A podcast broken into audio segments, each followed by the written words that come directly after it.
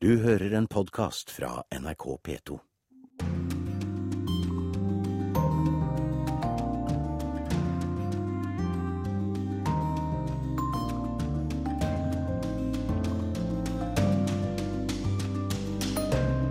I Sverige fosser rasiststemplet parti fram på målingene. Vi møter en Sverigedemokrat som skal åpne asylmottak. Ja, det er jo business, det er jo pengarna. Jeg gjør det for ingenting annat. Drapsdommen mot idrettshelten Oscar Pistorius vekker sterke rasefølelser i Sør-Afrika. Men i afrikansk handikapidrett er han fremdeles en helt. Og skotten Annie Lennox er uten stemmerett i folkeavstemningen om selvstendighet. Men meninger, det har hun. There's no going back. It's irreversible. If Scotland becomes independent, that's irreversible. God formiddag, dette er Urix på lørdag. Jeg heter Gry Blekastad Almås. Og vi begynner med morgendagens eh, svenske riksdagsvalg. Det høyreradikale Sverigedemokraterna ligger an til å gjøre et brakvalg. Målingene antyder en dobling i antall riksdagsrepresentanter. En posisjon som Sveriges tredje største parti, og et parti på vippen mellom de nokså jevnstore borgerlige og rød-grønne alliansene. Vi har med oss reporter Øyvind Nyborg på plass på Nytorget i Stockholm, der partiets leder skal holde sine siste appeller i ettermiddag. Hva er Jimmy Åkessons budskap i dag? Ja, nå spørs det om eh, hvor mye han kommer til orde her eh, på Sødermalm. For eh, går det som i Malmö i morgentimen i dag, så dukket det veldig mange demonstranter opp som bare buet og skramlet med nøklene, nøklene sine. Eh, Over 50 politifolk var til stede, og- de anholdt minst én av demonstrantene. Men hvis han får snakke, da, så er det jo flyktningspørsmålet som er eh, det store. Alle flyktningene som kommer til Sverige, vil han stanse på grensen. Eh, Sverige er jo unikt i Europa i den forstand at landet tar imot nesten 100 000 flyktninger eh, bare i år. Eh, Og det skaper problemer med bosetting, integrering og jobb. Og Jimmy Åkesson mener at man heller skal bruke pengene på å hjelpe de der de er, i stedet for å ta dem hit til, Sverige.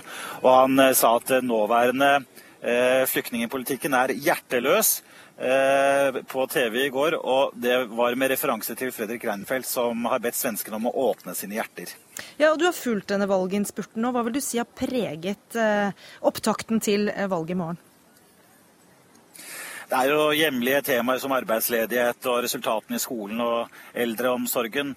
Eh, Men eh, den eh, trusselen som mange opplever nå i forbindelse med krigen i Ukraina og et aggressivt Russland, gjør at også de borgerlige partiene har det travelt med å få svenskene inn i Nato. Det vil ikke de rød-grønne. og de vil heller at Sverige holder seg nøytralt, men det ser ut til å være en sværpolitisk enighet om at Sverige bør bruke store summer på å kjøpe nye jagerfly. Reporter Øyvind Nyborg har eh, også truffet en av velgerne til det innvandringskritiske Sverigedemokraterna. Nå starter Per Ove Jonsson opp et asylmottak, kun for å tjene penger, som han sier.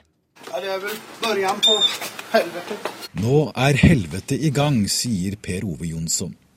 For noen har kastet stein og knust inngangsdøra på det gamle hotellet, etter at det ble kjent at han skal gjøre det om til asylmottak. Ja, det er de som ikke tycker om mig i vanlig ordning. Som løser det med. Ja, det var så här søndag morgen. Og det er jo när det kommit ut at det skal bli flyktingförläggning som det har blitt. Det har jo stått i fire år uten å bli krosset. Jonsson har bakoversveis, skjegg og svart rockabilly-T-skjorte. Nå vil han gjøre penger på at Sverige tar imot 2500 flyktninger i uka i gjennomsnitt. Ja, det er jo business, det er jo pengene. Jeg gjør det for ingenting annet. Det er som, precis som å gå til jobb. Det er lønnen man går for. Stengulvet er slitt og veggene er gråmalt. På et rom har Jonsson satt inn tre køyesenger. De står tett i rad. Migration, Migrationsverket har ju prutat med sig själv och de krävde de 5,5 kvadrat per person och nu är de nere i 3. De undrar ju var det ska sluta. Sverige tar imot nesten 100 000 flyktninger i år, og like mange de neste to årene. Jonsson er skeptisk, og er blant de mange som vil gi sin stemme til Sverigedemokraterna. Ja, føler det eftersom jeg gjør det. Det det penger. Flyktningene er innfotet allerede. redan. Det er ingen som jeg har importert. De kommer i hvilket fall. Altså. I debatt etter debatt gjentar statsminister Fredrik Reinfeldt at de borgerlige ikke har råd til å tilby velgerne noe ekstra, fordi alle flyktningene vil koste for mye framover. Reinfeldt angriper Sverigedemokraterna. Vi lever i et samfunn som ser en rikedom i at mennesker har ulike utgangspunkter, tror på ulike guder, kommer fra ulike verdensreligioner, og at de kan leve sida ved sida med hverandre i et spennende samfunn der vi ikke skaper usikkerhet, hat og mistenksomhet mellom mennesker som ikke ser exakt ut som vi ett bättre samhälle, Jimmy Åkesson, och det är det vi står upp för. Jag tycker inte att det är särskilt spännande. Jag tror inte att de människor som drabbas av den här kriminaliteten, som drabbas av det här utanförskapet i den verkliga världen, tycker att det är särskilt spännande. Jag är helt övertygad om att de jättegärna vill se en annan utveckling i Sverige. Och det är också det som är själva anledningen till att vi växer, medan de partier som eh, fortsätter att föra den här politiken inte ser ut att vinna på det, utan tvärtom, man förlorar röster. Sverigedemokraterna är med sina 10 procent ett av de största høyreorienterte partiene i Europa. Det spesielle i Sverige er at ingen av de andre partiene vil samarbeide med dem. Heller ikke næringsminister Annie Løv fra Senterpartiet. For at de er et rasistisk parti. På hvilken måte? Ja, på alle måtestokker. ja, hva tenker du på? Eh, Sverigedemokraterna kom ju in i Sveriges riksdag 2010 eh, och då valde vi från regeringens sida att eh, göra något unikt i världen, nämligen att utestänga dessa främlingsfientliga krafter från, från att kunna påverka. Då valde vi istället att ta en överenskommelse på migrationsfrågor med Miljöpartiet. Och vi har under de här fyra åren skapat ett öppet, humant Sverige där Sverigedemokraterna inte har inflytande och det är jag väldigt stolt över. Alliansen knapper inn på de rød-grønnes forsprang, viser SVTs undersøkning. I går kveld møttes alle partilederne til en siste duell på svensk TV. Sverigedemokraterna ligger an til å få en vippeposisjon. Her har vi faktisk restaurant i begynnelsen. Per Ove Jonsson viser fram det som skal bli matsalen på den nye asylmottaket hans. Men i morgen er det Sverigedemokraterna som får hans oppmerksomhet. Jeg sier jo som det er, at jeg er Sverigedemokrat, men jeg behøver jo ikke være fremmedfiendtlig for det. Som jag säger, de flesta av mina vänner är ju för fan utlänningar. Jag, jag tycker svenska skattepengar kan gå till annat. Ja, vägnätet till exempel som är helt otroligt dåligt. Eh, sjukvården, bättre skolor, bättre skolmat. Ja, Nå har vi akkurat fått inn en melding om at toåringen som var eh, savnet i Sverige, er eh, kommet til rette igjen. Det kommer eh, vi tilbake til i våre nyhetssendinger utover dagen.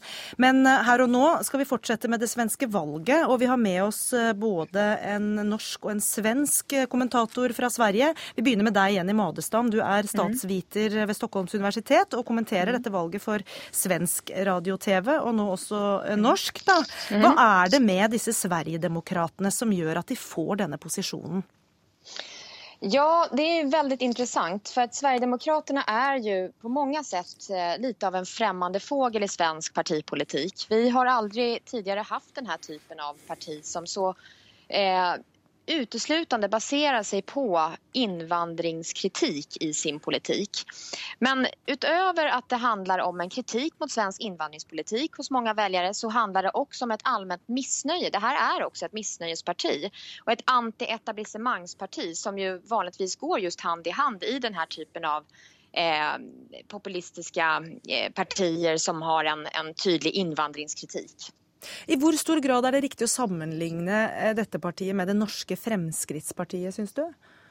Ja, det som skiljer det är att Sverigedemokraterna bildades eh, på 80-talet eh, och då bildades de ur just grupperingar eller av människor som hade rötter i nazistiska grupperingar. Eh, och Bevara Sverige svensk som var en uttalad rasistisk organisation.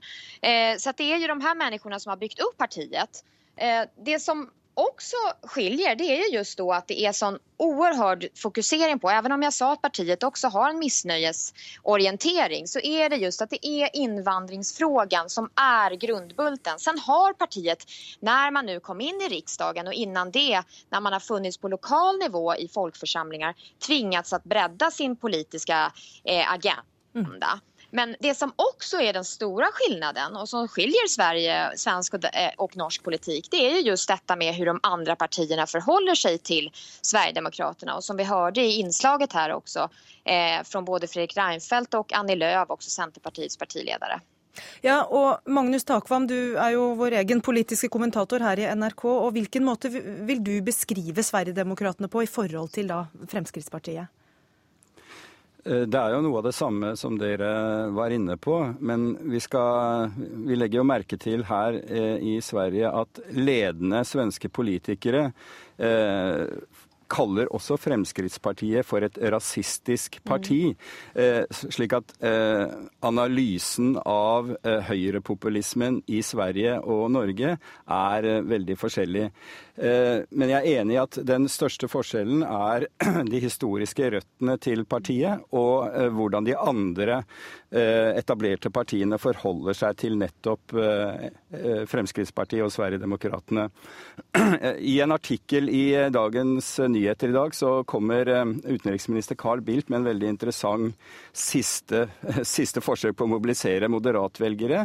Der advarer han svenske velgere mot at de kommer i en situasjon på mandag der ekstrempartier med røtter henholdsvis i fascismen og kommunismen kan få en avgjørende rolle i svensk politikk, altså Sverigedemokraterna, fordi de kan komme i vippeposisjon i Riksdagen, og på den andre siden Venstrepartiet, altså det svenske SV med røtter i eh, kommunistpartiet i Sverige, som kan bli eh, en, en, nøkkelspiller som uh, Stefan Löfven og sosialdemokratene kan bli avhengig av for å få gjennom sin økonomiske politikk. Ja. Så det er et, et, et lite, lite, siste forsøk fra Carl Bildt på å mobilisere moderatvelgere, tror jeg. Ja, et, et, spark også til disse Sverigedemokraterna i Madestam. Hva slags utslag mm. tror du et sånt spark kan få dagen før dagen? Nej, jag tror inte att det kommer påverka väljarna nämnvärt. Det, dessutom så är det så att, att den grupp av väljare som Sverigedemokraterna attraherar, de känner just inte förtroende för de etablerade politikerna, politikerna utan tvärtom. Mm. Eh, man känner sig att man står väldigt långt ifrån och menar på att de andra partierna och politikerna inte förstår hur människor har det och hur Sverige ser ut idag. Tilbake til deg igjen, Øyvind Nyborg. På Nytorget i Stockholm, der altså Jimmy Åkesson, partilederen, eh, kommer i ettermiddag. Han klarer å skape blest rundt seg også helt til siste slutt? Ja, Interessen for Jimmy Åkesson eh, tar jo ikke slutt. Eh, for det har jo kommet fram at han har brukt en halv million svenske kroner på Malta-baserte nettkasinoer og svidd av opptil et par månedslønner på en kveld sammen med samboeren sin. Eh, dette er penger som er mer enn eh, en det han tjener som partileder, og riksdagsmann, meldte Sveriges Radio i går. Så mange har jo stilt seg spørsmålet ved om han er spilleavhengig. Og nå spørs det om dette og også andre skandaler som har vært rundt partiet denne uka her med rasistiske ytringer på nettet, skader partiet. Så langt så viser jo eh, målingene eh, tvert imot. Eh, veldig mange fortsetter å, å støtte dem. Og når har vi svaret? Når vet vi valgresultatet? Ja, eh, Det blir veldig spennende klokken eh, åtte i morgen kveld. Det blir et nervepirrende valg. Da får vi den første valgdagsmålingen eh, her, så vi får bare følge med. Det blir mer om valget i Søndagsrevyen på TV i morgen også. Så eh, får vi se og høre mer til både Jenny Madestam og Magnus Takvam i valgsendingen på NRK1 klokka 22.15 i morgen kveld. Takk til dere alle tre.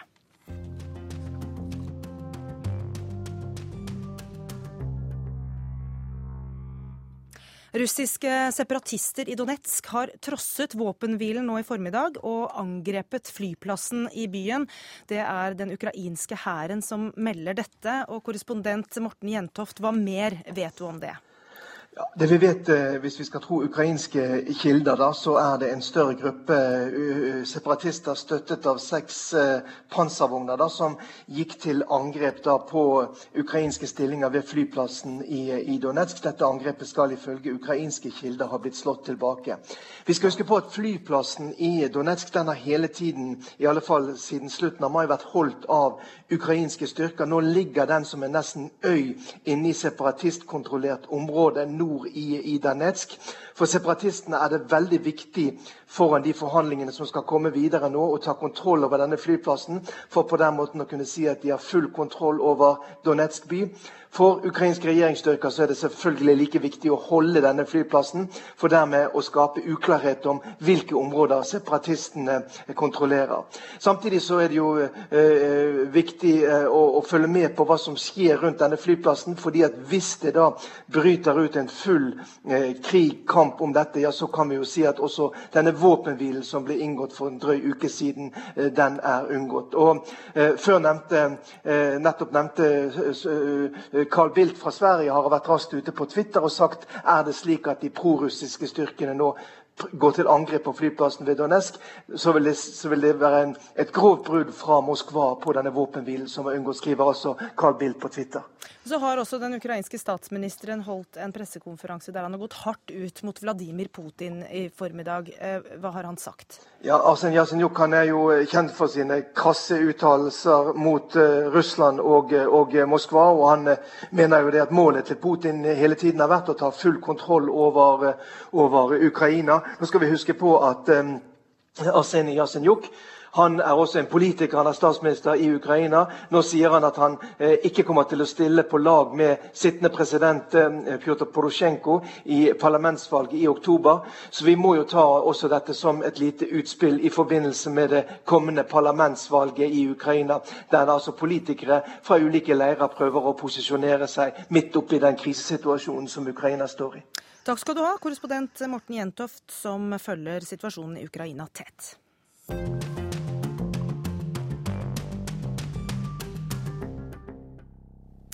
Idrettsstjernen Oscar Pistorius ble denne uka frikjent for overlagt drap, men dømt for uaktsomt drap på kjæresten sin. Det har skapt sterke reaksjoner i et rasedelt Sør-Afrika. Men blant funksjonshemmede idrettsutøvere er han fremdeles et stort forbilde, også i Kenya. Oscar, he's a, he's a great person. Henry Van Oike våknet en morgen for 20 år siden brått blind. Han var sprek nok fra før, men tapet av synet fikk ham til å løpe lenger, oftere, fortere. I dag er han en feiret personlighet i hjemlandet Kenya, med nok av verdensrekorder og gull i Paralympics. NRK møtte løperen på en barneskole i Nairobi, der han motiverte ungdom til å prøve hardere, så fremt det de prøvde på var til samfunnets beste. Han løper fremdeles raskere enn andre, men vier ellers livet sitt til å kjempe for funksjonshemmedes rettigheter.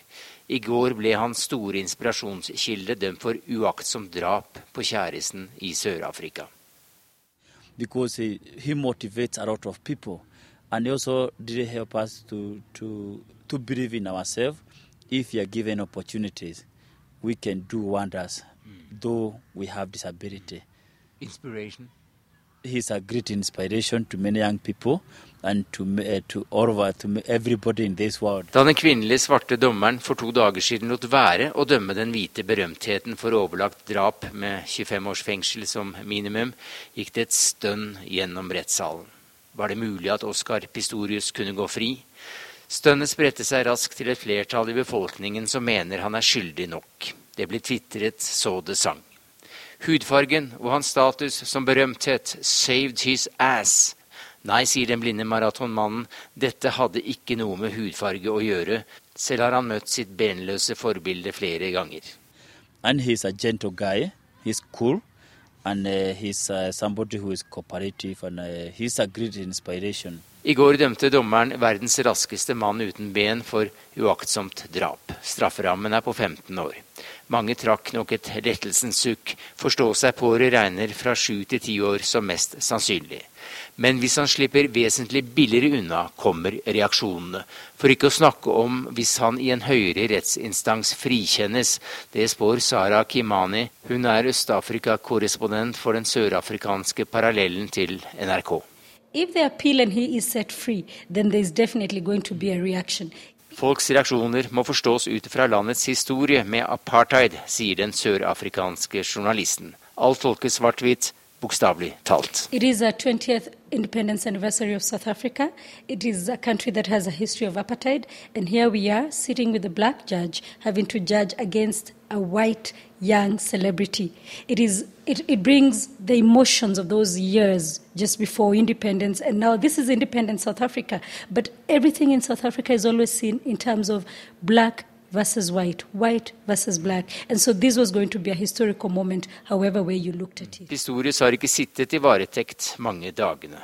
Istedenfor varetekt blir han løslatt mot en kausjon på en kvart million kroner, og kan trene og bo hjemme hos familien en god stund til. Utenfor rettslokalet sto det en ellevill jentegjeng og skrek etter helten som var han en rock'n'roll-stjerne. Svarte damer skrek også. Vi taper alltid, var deres konklusjon. Sa Afrikakorrespondent Sverre Tom Radøy fra Kenya. Og da dommen mot Pistorius eh, ble klar, traff jeg generalsekretær i Norsk Folkehjelp Liv Tørres. Hun har bodd og jobbet i Sør-Afrika i årevis, og hun sier rettssaken forteller oss mye om forholdene i dagens Sør-Afrika. Den eh, forteller oss om et land hvor det fortsatt er enorme forskjeller mellom rike og fattige. Og Vi skal huske på at dette er landet hvor, hvor gapet mellom rike og fattige er størst. Og i praksis så er det eh, de forskjellene mellom rike og, og, fattige, det er først og fremst fortsatt forskjeller mellom hvite, rike og fattige, svarte. Men kan ikke også hans posisjon som eh, både kjendis og hvit og privilegert ha ført til at han har blitt eh, forhåndsdømt eh, i manges øyne? Jeg tror det er veldig blanda.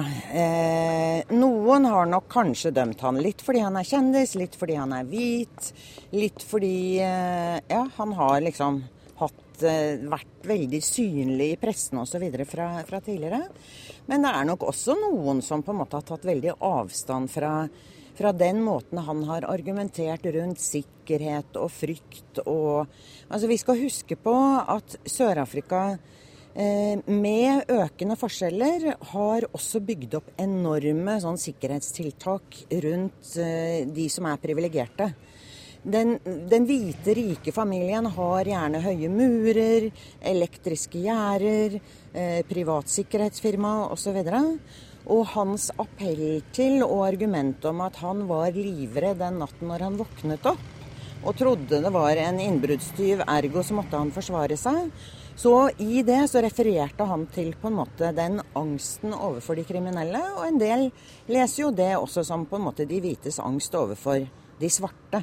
Så noen eh, eh, forhåndsdømte han nok den andre veien, for å si det sånn. Men samtidig så var det altså en svart kvinnelig dommer mm. som trodde han i nettopp eh, denne delen av bildet, da, at han fryktet at det var en innbruddstyv, og frikjente mm. ham for de aller mest alvorlige eh, punktene i tiltalen eh, om eh, at dette var et overlagt drap. Ja. Eh, kan ikke det også forstås den andre veien, at, man, eh, at dette ikke egentlig handler om rase?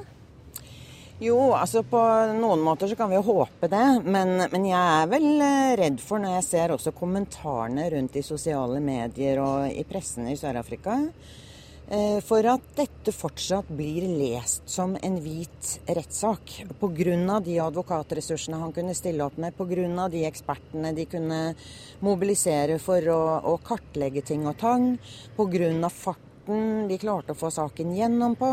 Og det er klart at i, i siste instans så vil jo sørafrikanere vurdere hvorvidt, og lure på hvorvidt denne saken ville blitt avsluttet på samme måte hvis han hadde vært en fattig, svart mann. Og det er det nok ikke sikkert at den ville blitt. Hva tror du kan bli de mer langsiktige konsekvensene av utfallet av denne saken?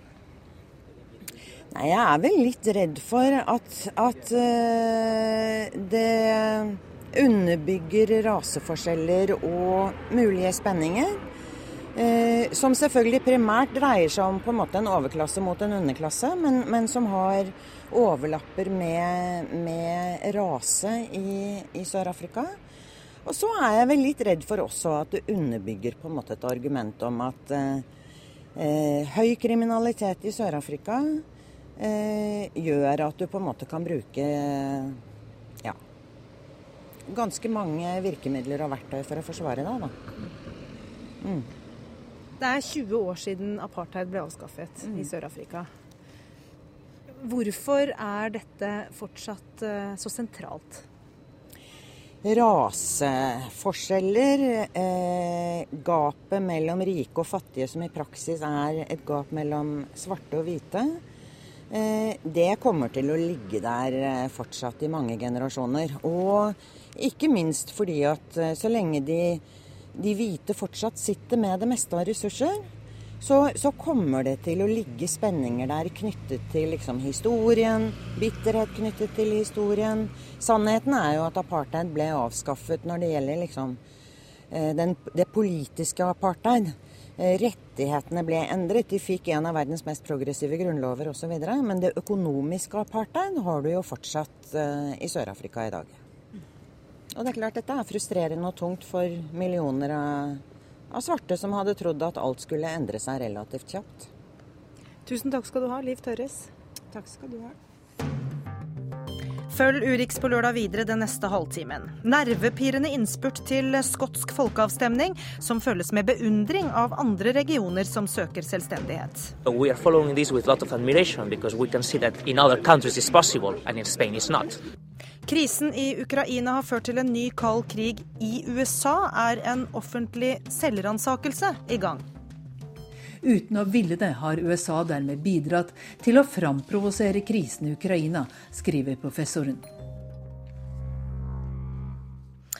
Så er det altså sånn at ingenting er eh, avgjort fem dager før folkeavstemningen om et selvstendig Skottland. Denne uka begynte med at eh, meningsmålingene for første gang viste et flertall for eh, løsrivelse, og endte med at nei-siden slo tilbake og ligger nå med 50% oppslutning mot ja-sidens 45 på den siste målingen fra YouGov. Vi skal til Edinburgh. Du slipper ikke unna en sekkepipespiller, i alle fall ikke hvis du er i sentrum av Edinburgh. Det er dagen da David Cameron er i byen, Storbritannias statsminister. Han skal forsøke å overtale skottene til å bli i den britiske unionen. Men det er ikke trolig at mannen med sekkepipen spiller for ham. For den konservative Cameron er ingen populær mann her i byen. Men kommer gjør han likevel, etter at meningsmålinger har vist en sving til ja-siden. Sammen med en rekke mediefolk og enda flere skuelystne har jeg tatt oppstilling utenfor bygningene til Scottish Widows, et forsikrings- og pensjonsfond. Hit skal Cameron komme. Og svisj, så fyker fire biler forbi oss i full fart og ned i det underjordiske parkeringshuset. Ikke et glimt av mannen engang. Joseph Davidson er en av dem som har stilt seg opp utenfor. Well, obviously you're here because David Cameron is here. Yeah, I was curious to see what was going on. What do you think about him coming now a week before the referendum? I think it somewhat reeks of desperation. Cameron må være desperat, mener Joseph Davidson, som selv skal stemme ja i folkeavstemningen neste torsdag. Inne i lokalene til Scottish Widows snakker David Cameron med en utvalgt gruppe mennesker. Hva som skal skje med skottenes pensjoner, er et av usikkerhetsmomentene i tilfelle det blir et ja i folkeavstemningen. Cameron benytter anledningen til å snakke om det. Mens Joseph Davidson står utenfor og håper på å få statsministeren i tale. Det kan han se langt etter. Svisj igjen. De fire bilene kommer kjørende fort ut av den underjordiske garasjen, og borte er han. Cameron has left the building. Ingen walkabout her. Så da må både Joseph og jeg nøye oss med å se møtet hans med de ansatte i Scottish Widows på TV. This is totally different to a general election. This is a decision about not the next five years, it's a decision about the next century. Dette er noe helt annet enn et vanlig parlamentsvalg, sier statsminister David Cameron til skottene. Dette er for alltid. Det er ikke bare å ombestemme seg neste gang det er valg.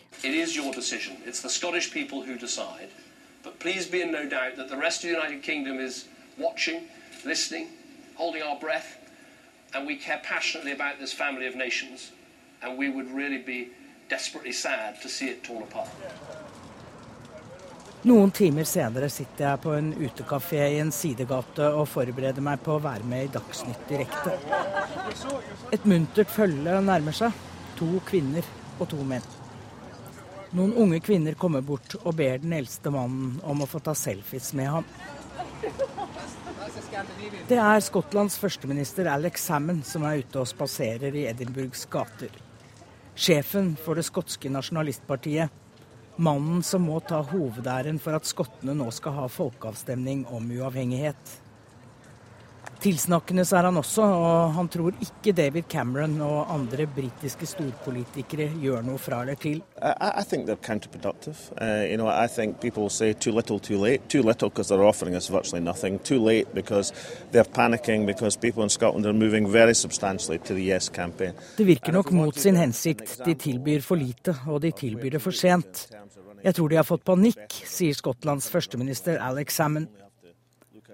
Denne dagen har vært en god dag for ja-siden. Meningsmålingene peker i riktig retning. Men seieren må ikke tas på forskudd. Uh,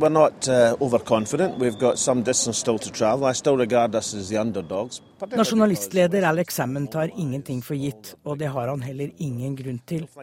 Meningsmålingene har svingt denne uken, og mange har ikke bestemt seg. Utfallet, ja, det er umulig å spå. Det eneste jeg er helt sikker på, er at en eller annen sekkepipespiller i kilt kommer til å stå i sentrum av Edinburgh også etter den 18. september.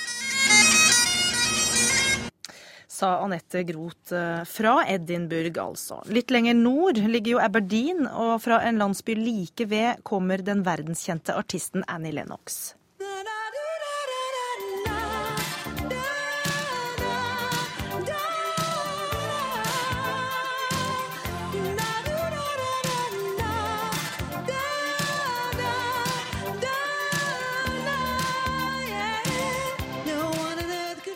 Annie Lennox er kjent fra bandet Eurythmics med bl.a.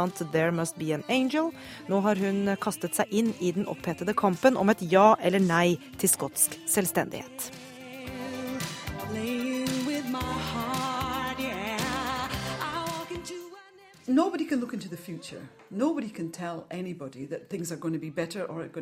Nei, ingen kan se inn i fremtiden, sier Annie Lennox når NRK spør henne om skotsk løsrivelse. Ingen kan fortelle om noe blir bedre eller verre, for ingen vet noe sikkert. Selv om du er en økonomiekspert, vet du ikke, sier hun bestemt. Og derfor er hun bekymret. Stemmes det først for løsrivelse, så blir det slik for bestandig. Annie Lennox kommer fra Aberdeen i Skottland. Europas oljehovedstad kalles den gjerne. En grå granittby hvor det er tett mellom de dyreste bilene i rushtiden. Oljealderen har sørget for kraftig økonomisk oppgang i området.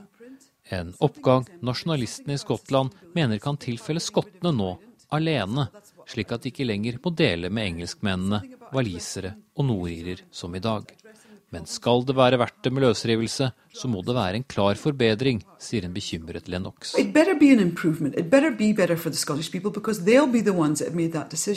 Listen av kjente folk som er mot løsrivelse, er lang. Både blant skotskfødte som sir Alex Ferguson og sangerinnen Susan Boyle, men listen er kanskje enda lenger av kjente navn fra sør for den skotske grensen. Paul McCartney, Mick Jagger, David Bowie og JK Rowling, for å nevne noen.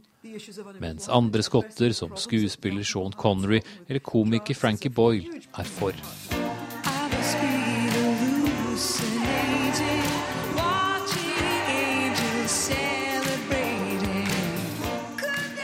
I våres la Annie Lennox et bilde ut av det britiske flagget Union Jack på Facebook. Det var et bilde hun tok av et flagg som hang i et butikkvindu, og under skrev hun at flagget ikke lenger fikk henne til å føle seg så ukomfortabel som det gjorde før. Det fikk mange til å reagere, og de mente at hun prøvde å sende en skjult beskjed til skotter om å stemme nei til løsrivelse. Uh, I don't like uh, uh, hardcore nationalism, not coming from any country, even if Scotland is a small country. Lennox eh, sier at det hun misliker aller mest med denne debatten, det er det nasjonalistiske, og hvordan engelsk nå er blitt til noe negativt. I don't like this negative wave against the English. I think that is really reactionary and, and, and very um, reductive. Men som utflyttede skotter flest, hun kan bare se og høre på debatten. Hun har ingen stemmerett så lenge postadressen ikke er i Skottland.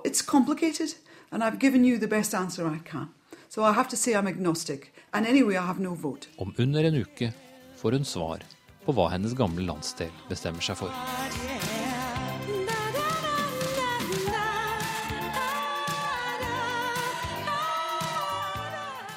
Det var London-korrespondent Espen Aas som hadde møtt Annie Lennox.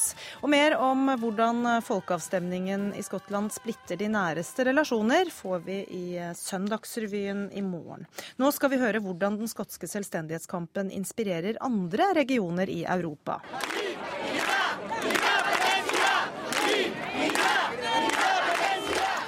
Sånn hørtes det ut da opp mot en million mennesker demonstrerte for et selvstendig Catalonia i Barcelona torsdag kveld. Regionregjeringen der ønsker å holde folkeavstemning om løsrivelse fra Spania i november, og flere av demonstrantene bar skotske flagg. Og allerede for to år siden rettet de katalanske nasjonalistene blikkene sine mot Skottland da deres kamp for selvstendighet startet. Og den gang traff jeg blant andre Miguel Pascal i Edinburgh. Uh, I am Catalan. I'm from Spain. I am independentist in Catalonia. Katalaneren Miguel Pascal er på besøk i Skottland.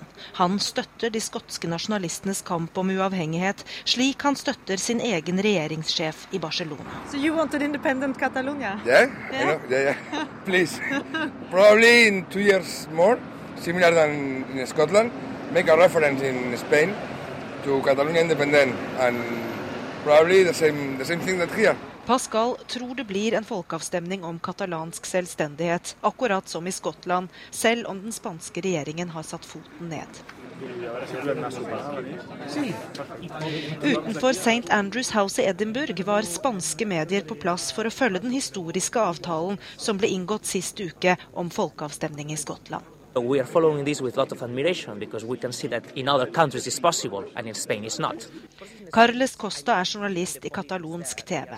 Han forklarer at det er stor stemning for selvstendighet. Possible, Skottland har kommet lengst. En avtale om folkeavstemning er inngått med den britiske regjeringen. Folkets mening skal bli hørt og respektert. Selvstendighetsvinden blåser også i belgiske Flandern, nord i Italia og i tyske Bayern er det ønske om mer kontroll over skatteinntektene. And in Catalonia is uh, more rich than the other uh, cities in, in Spain and pays more uh, taxes and more bills. Catalonia er rikere enn resten av Spania, påpeker Miguel Pascal, for tiden arbeidssøkende i Skottland. Den økonomiske krisen har rammet Spania svært hardt. Også i Skottland argumenterer nasjonalistpartiet med at uavhengighet vil gi dem kontroll over egne inntekter, bl.a. fra olje- og gassutvinning. Men der skottene er i gang med valgkampen, krangler den katalonske og den spanske regjeringen om lovligheten av en folkeavstemning. Lovverket gir ikke anledning til å holde folkeavstemning i bare én del av landet. Men den spanske regjeringen presses hardt. For selvstendighet er det verdt å kjempe hardt for, mener Pascal. Kjempe men ikke krige. Without, uh,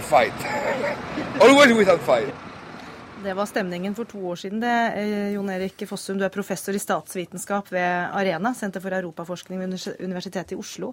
Hvor nær en reell folkeavstemning eh, er eh, katalanerne? Nei, det som det sies i reportasjen her, er langt vanskeligere nettopp fordi at sentralregjeringen i Spania har eh, sagt nei. Altså at, at, de kan avholde en folkeavstemning, det er mulig. De hadde til og med avstemninger i forskjellige distrikter tidligere, hvor det var, men, hvor det var et stort flertall for, men det var jo de som var interessert i å gjøre dette. Så de hadde en sånn fake-ordning der på en måte. Um, men at sentralregjeringen i Spania vil gå med på dette, det er langt mer tvilsomt. De har drevet og forhandla om kravene i lang tid, så dette er en del av en forhandlingsprosess òg i Spania. Så, og Det er klart det at det er veldig viktig for legitimiteten i en sånn prosess om sentralregjeringen er med. Det er jo det som er det veldig viktige skillet med Skottland. At har man blitt enige gjennom eh, Edinburgh-avtalen i 2012, ble man enige om betingelsene for løsrives. løsrivelse. Og der var det interessant at det var Storbritannia, Cameron, som insisterte på at man skulle ha enten-eller spørsmål. Fordi at mulighetene var mange når man så, så på spørsmålene. Men man ble enige om et enten-eller, og det har jo britene sagt at de skal respektere. Eh, men som vi var inne på i reportasjen her, så er det også andre eh, krefter og andre regioner i Europa som har en sånn selvstendighetstrang nå. Hvor sterk vil du si at den trangen er? Den er variabel. Jeg tror disse to er nok de mest aktuelle. Du sier selvfølgelig Belgia er det veldig viktig. Ellers er det mer å reforhandle Eh, betingelsene til sentralstaten. I tillegg er det viktig å huske på at f.eks. i føderale stater som Tyskland og Østerrike, så vil delstatene svært gjerne ha medbestemmelse i EU-prosessene Fordi at Når vi har traktatsprosesser og endringer i EU, så vil de selvfølgelig òg ha et eh, sete med eller et ord med i laget. I tillegg så har man jo i EU innført dette nærhetsprinsippet, som sier at beslutninger skal fattes så nært innbyggerne som mulig. Det gir regionen et veldig viktig argument for å ha medinnflytelse over beslutninger. Og så ja, det kan stoppe. Men jeg, ja, jeg tenker, for det, det, er jo et paradoks, egentlig, at uh, mens EU vokser og får stadig flere medlemmer, så kommer da disse uh, regionene inn og, og, vil opprette egne stater og, og, altså bli enda mindre enheter, da. Uh, eller er det et paradoks? Nei, egentlig så er det vel en del av dynamikken. For det første så må vi huske på historisk sett så har regioner alltid vært veldig viktige. Bare et lite historisk tilbakeblikk på 1800-tallet. Når, når, når nasjonalismeforskere så på hva europeiske immigranter til USA oppga som deres fødested, så oppga de regional tilknytning, veldig mange av de, ikke nasjonal. Så vi må huske på at den selve den ideen om nasjonen er ganske ung på den måten. Mm. Og den er veldig variabel i Europa. Og her har vi i, særlig i periferien av Europa, som eh, Stein Rokkan påpekte, så har det vært mye sterkere nasjonalistiske oppfatninger, inklusive til og med i regioner. Mm. Og sånn som i Skottland, når du spør skottene, så sier de at de er skotske selv om de eventuelt er tilhengere av unionen, ikke sant? Ja, for det er der identiteten i veldig stor grad ligger. ja, for. For vi må huske på at selv om man kaller de nasjonalister, så er de òg selvfølgelig europeere mens de stemmer. For det at hvis de stemmer ja i folkeavstemningen, så stemmer de òg ja for fortsatt å bli medlem av EU. Men hva eller hvilken betydning får utfallet eh, av denne folkeavstemningen i Skottland da nå på torsdag for eh, de andre regionene som følger veldig nøye med på dette? Dette er veldig interessant. fordi at det, det, har jo ikke, det har ikke, funnet sted en sånn prosess i EU tidligere. Så man leter nå etter hvilke typer prosedyrer som er de korrekte i EU for å gjøre dette det er en diskusjon om Skottland fortsatt kan bli værende som medlem. Med, noen tok til og med opp spørsmålet om Storbritannia kan fortsatt være en stat og en medlemsstat i EU. De fleste mener at de kan være det. Eh, altså Storbritannia utenom Skottland. Mm. Og, men da er det slik Skal Skottland simpelthen reforhandle sin status uten at de blir, um, går ut, eller må de faktisk søke om medlemskap? Mange mener de må søke om medlemskap. Fortsatt mange ubesvarte spørsmål, men takk til Jon Erik Fossum, som altså er professor ved Arena.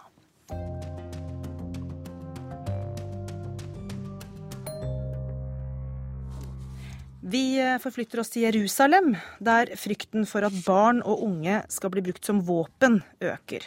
I sommer ble tre israelske og én palestinsk ungdom kidnappet og drept. Nå tør ikke barn lenger gå ut av frykt for å bli kidnappet. Reporter Sissel Wold har sett nærmere på saken. Nok en begravelse i arabisk Øst-Jerusalem. Palestinske Mohammed Sinkorot ble bare 16 år. Et stort følge bærer hans grønne kiste gjennom opprørte gater.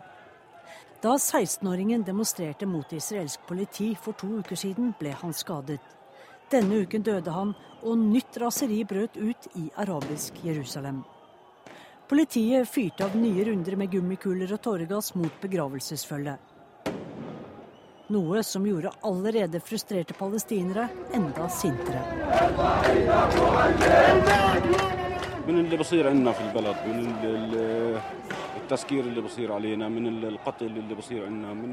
De stenger oss inne, og de tar liv, så en reaksjon måtte komme mot de israelske myndighetene, sier Abdel Majed Sunkrot, far til 16-åringen i den grønne kisten. Det hele begynte med at de tre israelske tenåringene Naftali Frenkel, Gilad Shar og Eyali Frah ble funnet drept etter at de ble bortført av palestinske menn utenfor en bosetting på den okkuperte Vestbredden.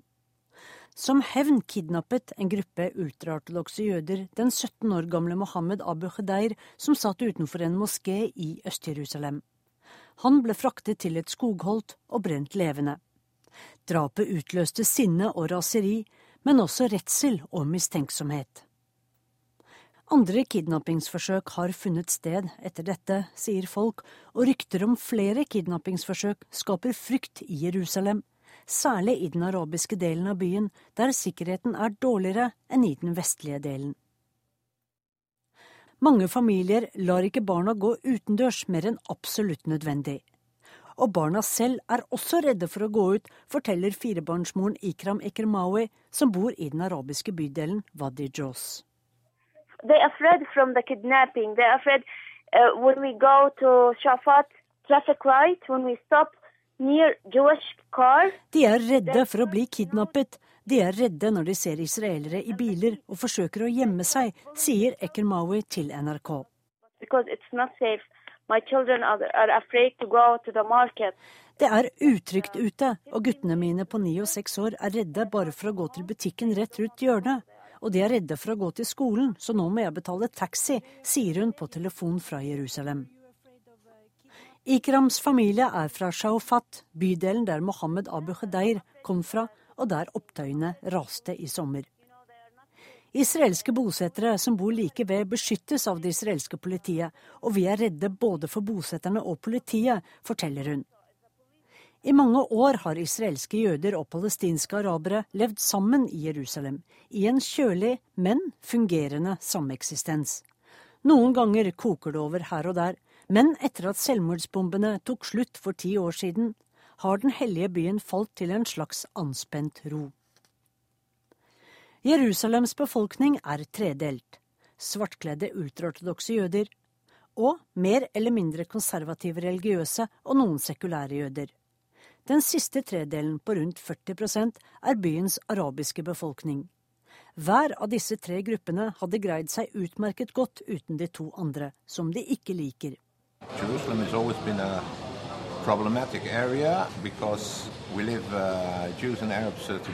At jøder og arabere lever sammen, har alltid gjort denne byen til et problematisk område, sier Michael Strumfmann.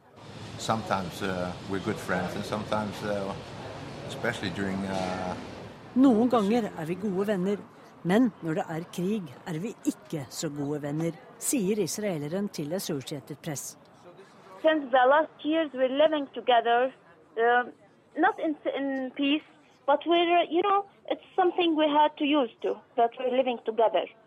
Firebarnsmoren Ikram, hvis familie har bodd i Jerusalem i mange generasjoner, har gitt opp troen på sameksistens etter denne sommeren. Uh, but now, now.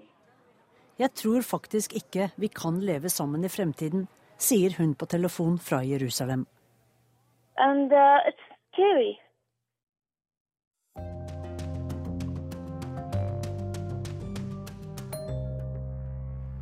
Da er vi framme ved ukas korrespondentbrev, som eh, i dag kommer fra USA.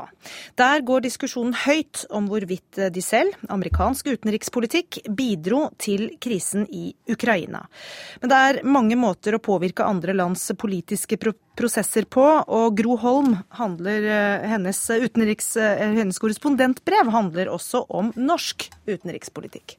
Sist søndag brukte The New York Times over to helsider på en artikkel om hvordan andre stater, deriblant Norge, kjøper seg innflytelse i det politiske miljøet her i USA ved å bevilge millioner av dollar til amerikanske tenketanker. Et av avisas hovedpoeng var at de institusjonene som mottar penger for å skrive rapporter med tanke på å øve innflytelse på USAs myndigheter, ifølge en lov fra 1938 plikter å registrere seg som utenlandske agenter. Det lød kjent. Sommeren 2012 vedtok den russiske nasjonalforsamlingen at alle ikke-kommersielle organisasjoner som mottar utenlandsk støtte, må registrere seg, ja, som utenlandske agenter. Det gjelder bl.a. Amnesty og Human Rights Watch. Mange i Vesten har forståelig nok protestert. Saken om amerikanske tenketanker er tilsynelatende et sidespor i forhold til dagens tema. Men ikke helt. For i desember 2013 fortalte USAs viseutenriksminister Victoria Nuland at USA har investert over 5 milliarder dollar, rundt 32 milliarder kroner, i årene etter 1991 for å hjelpe Ukraina til å nå den fremtiden landet fortjener, som hun sa. Mye er gått til demokratiprosjekter i regi av den amerikanske organisasjonen Det nasjonale fondet for demokrati, hvis leder har omtalt Ukraina som den største gevinsten, underforstått i den ideologiske kampen mellom liberalt demokrati og autoritære regimer. I februar 2010 dekket jeg presidentvalget i Ukraina og fotfulgte seierherren Viktor Janukovitsj i noen timer på valgkvelden. Han er verken noen stor taler eller stor demokrat. Men han ble demokratisk valgt, selv om han var kjent som Russland-vennlig. Det likte det amerikanske fondet for demokrati dårlig, og trappet derfor opp sin støtte til opposisjonen. I februar i år ble Janukovitsj presset fra makten fordi han i siste liten nektet å undertegne assosieringsavtalen med EU. EU insisterte på at den var uforenlig med framtidig medlemskap i en russiskledet tollunion. Janukovitsj våget ikke å distansere seg fra sine viktigste handelspartnere, og så fulgte demonstrasjonene mot ham på Maidan, og i februar vedtok parlamentet å avsette presidenten. Men de folkevalgte hadde verken det flertallet som Grunnloven krever, eller støtte fra konstitusjonsdomstolen, som parlamentet fikk avsatt før den rakk å behandle avsettelsen. Det var et kupp, men uansett til fordel for demokratiet, mente langt de fleste kommentatorer og politikere her i USA. Derfor ble det godtatt. Viseutenriksminister Newland hadde selv deltatt i demonstrasjonene på Maidan og jobbet aktivt for Arsenij Jatsenjuk som statsminister. Slik ble det da også. Russland svarte med å innlemme Krimhalvøya og støtte separatistene i Øst-Ukraina, handlinger som klart strider mot folkeretten og inngåtte avtaler. Så kommer jeg til spørsmålet som nå diskuteres her. Har USA noe medansvar for denne utviklingen? Overhodet ikke, sier de som mener at målet er å spre liberalt demokrati til så mange land som mulig, uavhengig av regionale maktforhold og historie. Alle land må fritt få velge alliansetilhørighet. Dette synet er både forståelig og godt representert i medier og politiske miljøer her i USA. De såkalte realistene i det utenrikspolitiske miljøet er uenige. USA og Vesten har et medansvar. Vi har ikke tatt nok hensyn til Russlands interesser som regional stormakt, sier de. Demoniseringen av Putin er ikke en politikk, det er et alibi for mangelen på politikk, skrev USAs tidligere utenriksminister, republikaneren Henry Kissinger, i mars. Han skrev også at USA må unngå å behandle Russland som en avviker som tålmodig må lære seg reglene for god oppførsel, bestemt av Washington. Kissinger har i mange år vært uttalt motstander av ukrainsk Nato-medlemskap. Vesten må forstå at for Russland kan Ukraina aldri bli et hvilket som helst utland, mener den tidligere utenriksministeren. Siste nummer av det etablerte tidsskriftet Foreign Affairs har to artikler som berører forholdet mellom USA og Russland. Den ene har tittelen 'Hvorfor Ukraina-krisen er Vestens feil'. Den andre handler om hva amerikanske og vesttyske ledere sa til sine sovjetiske kolleger om Natos grenser i dagene før Sovjetunionens president Mikhail Gorbatsjov ga grønt lys til tysk gjenforening. Tittelen er talende Et brutt løfte med spørsmålstegn. For å ta den siste først. Ifølge historieprofessor Mary Elise Sarot viser frigjorte dokumenter at Gorbatsjov aldri fikk noe skriftlig løfte om at Nato ikke ville utvides østover, mot at han ga grønt lys til Tysklands gjenforening. Men det ble gitt muntlige løfter. USAs utenriksminister James Baker spurte Gorbatsjov om han foretrakk et forent Tyskland utenfor Nato, uavhengig og uten amerikanske styrker, eller et forent Tyskland innenfor Nato, ledsaget av forsikringer om at Natos jurisdiksjon ikke ville flyttes en tomme østover fra dagens posisjon. Gorbatsjov skal ha svart at enhver utvidelse av Natos sone er uakseptabel. Møtereferatet ble sendt som hemmelig brev til Vest-Tysklands forbundskansler Helmut Kohl like før han skulle av sted for å treffe Gorbatsjov i Moskva. Kohl forsikret Gorbatsjov om at Nato ikke ville ekspandere, ikke engang til å omfatte Øst-Tyskland, og fikk deretter grønt lys til å starte prosessen med gjenforening. Men løftene holdt ikke lenge. Verken daværende president Bush eller etterfølgeren Bill Clinton hadde sans for den slags selvpålagte restriksjoner. Som plaster på såret fikk Sovjetunionen 12 millioner tyske mark til å bygge hus for sovjetiske soldater som vendte hjem fra Øst-Tyskland. Blant dem som har uttrykt bitterhet, er daværende KGB-offiser i Øst-Tyskland, Vladimir Putin. Sovjetunionen mistet sin posisjon i Europa, sa han i et intervju mange år etter. Tidligere forsvarsminister Robert Gates skriver i sine memoarer at det var feil å inkorporere så mange av Sovjetunionens tidligere allierte så raskt i Nato etter unionens sammenbrudd. Vi undervurderte omfanget av den ydmykelsen det var å tape den kalde krigen, og å oppleve at det russiske imperiet gikk i oppløsning, skriver Gates. Han var forsvarsminister under George W. Bush og Barack Obama. Nå skriver han at planen om å inkludere Ukraina og Georgia i Nato undergraver formålet med alliansen og ignorerer hensynsløst det russerne vurderer som deres vitale nasjonale interesser. Tenk dere det amerikanske raseriet om Kina skapte en stor militærallianse og så forsøkte å inkludere Canada og Mexico, skriver professor John J. Mersheimer i sin artikkel om hvorfor Ukraina-krisen er Vestens feil. Han mener Putins anneksjon av Krim delvis var motivert av frykt for at halvøya ville bli brukt som Nato-base under det nye regimet. Tanken er nok ikke helt fjern for en tidligere KGB-agent som er trent til å lokalisere konspirasjoner. Allerede i 1997 fulgte jeg en amerikansk-ukrainsk flåteøvelse på Krim på nært hold, med et krigsspill hvor det ikke var noen tvil om hvem som egentlig var fienden. Den amerikanske admiralen som ledet øvelsen den gang, snakket konsekvent om Sovjetunionen til pressen, seks år etter at unionen var oppløst. Et av Mersheimes poeng er at president Obama med sin liberale tilnærming og ønske om å spre vestlige idealer overser betydningen av tradisjonell makt i internasjonal politikk. Uten å ville det har USA dermed bidratt til å framprovosere krisen i Ukraina, skriver professoren. Nato-utvidelsen, EUs ekspansjon og demokratieksport de tre parallelle prosessene har alle bidratt til å presse Russland inn i et hjørne.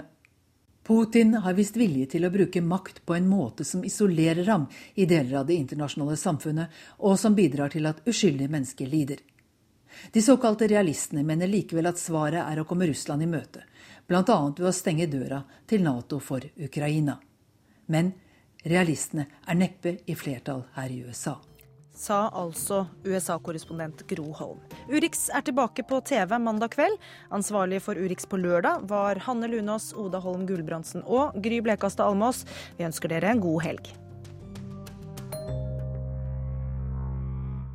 Du har hørt en podkast fra NRK P2.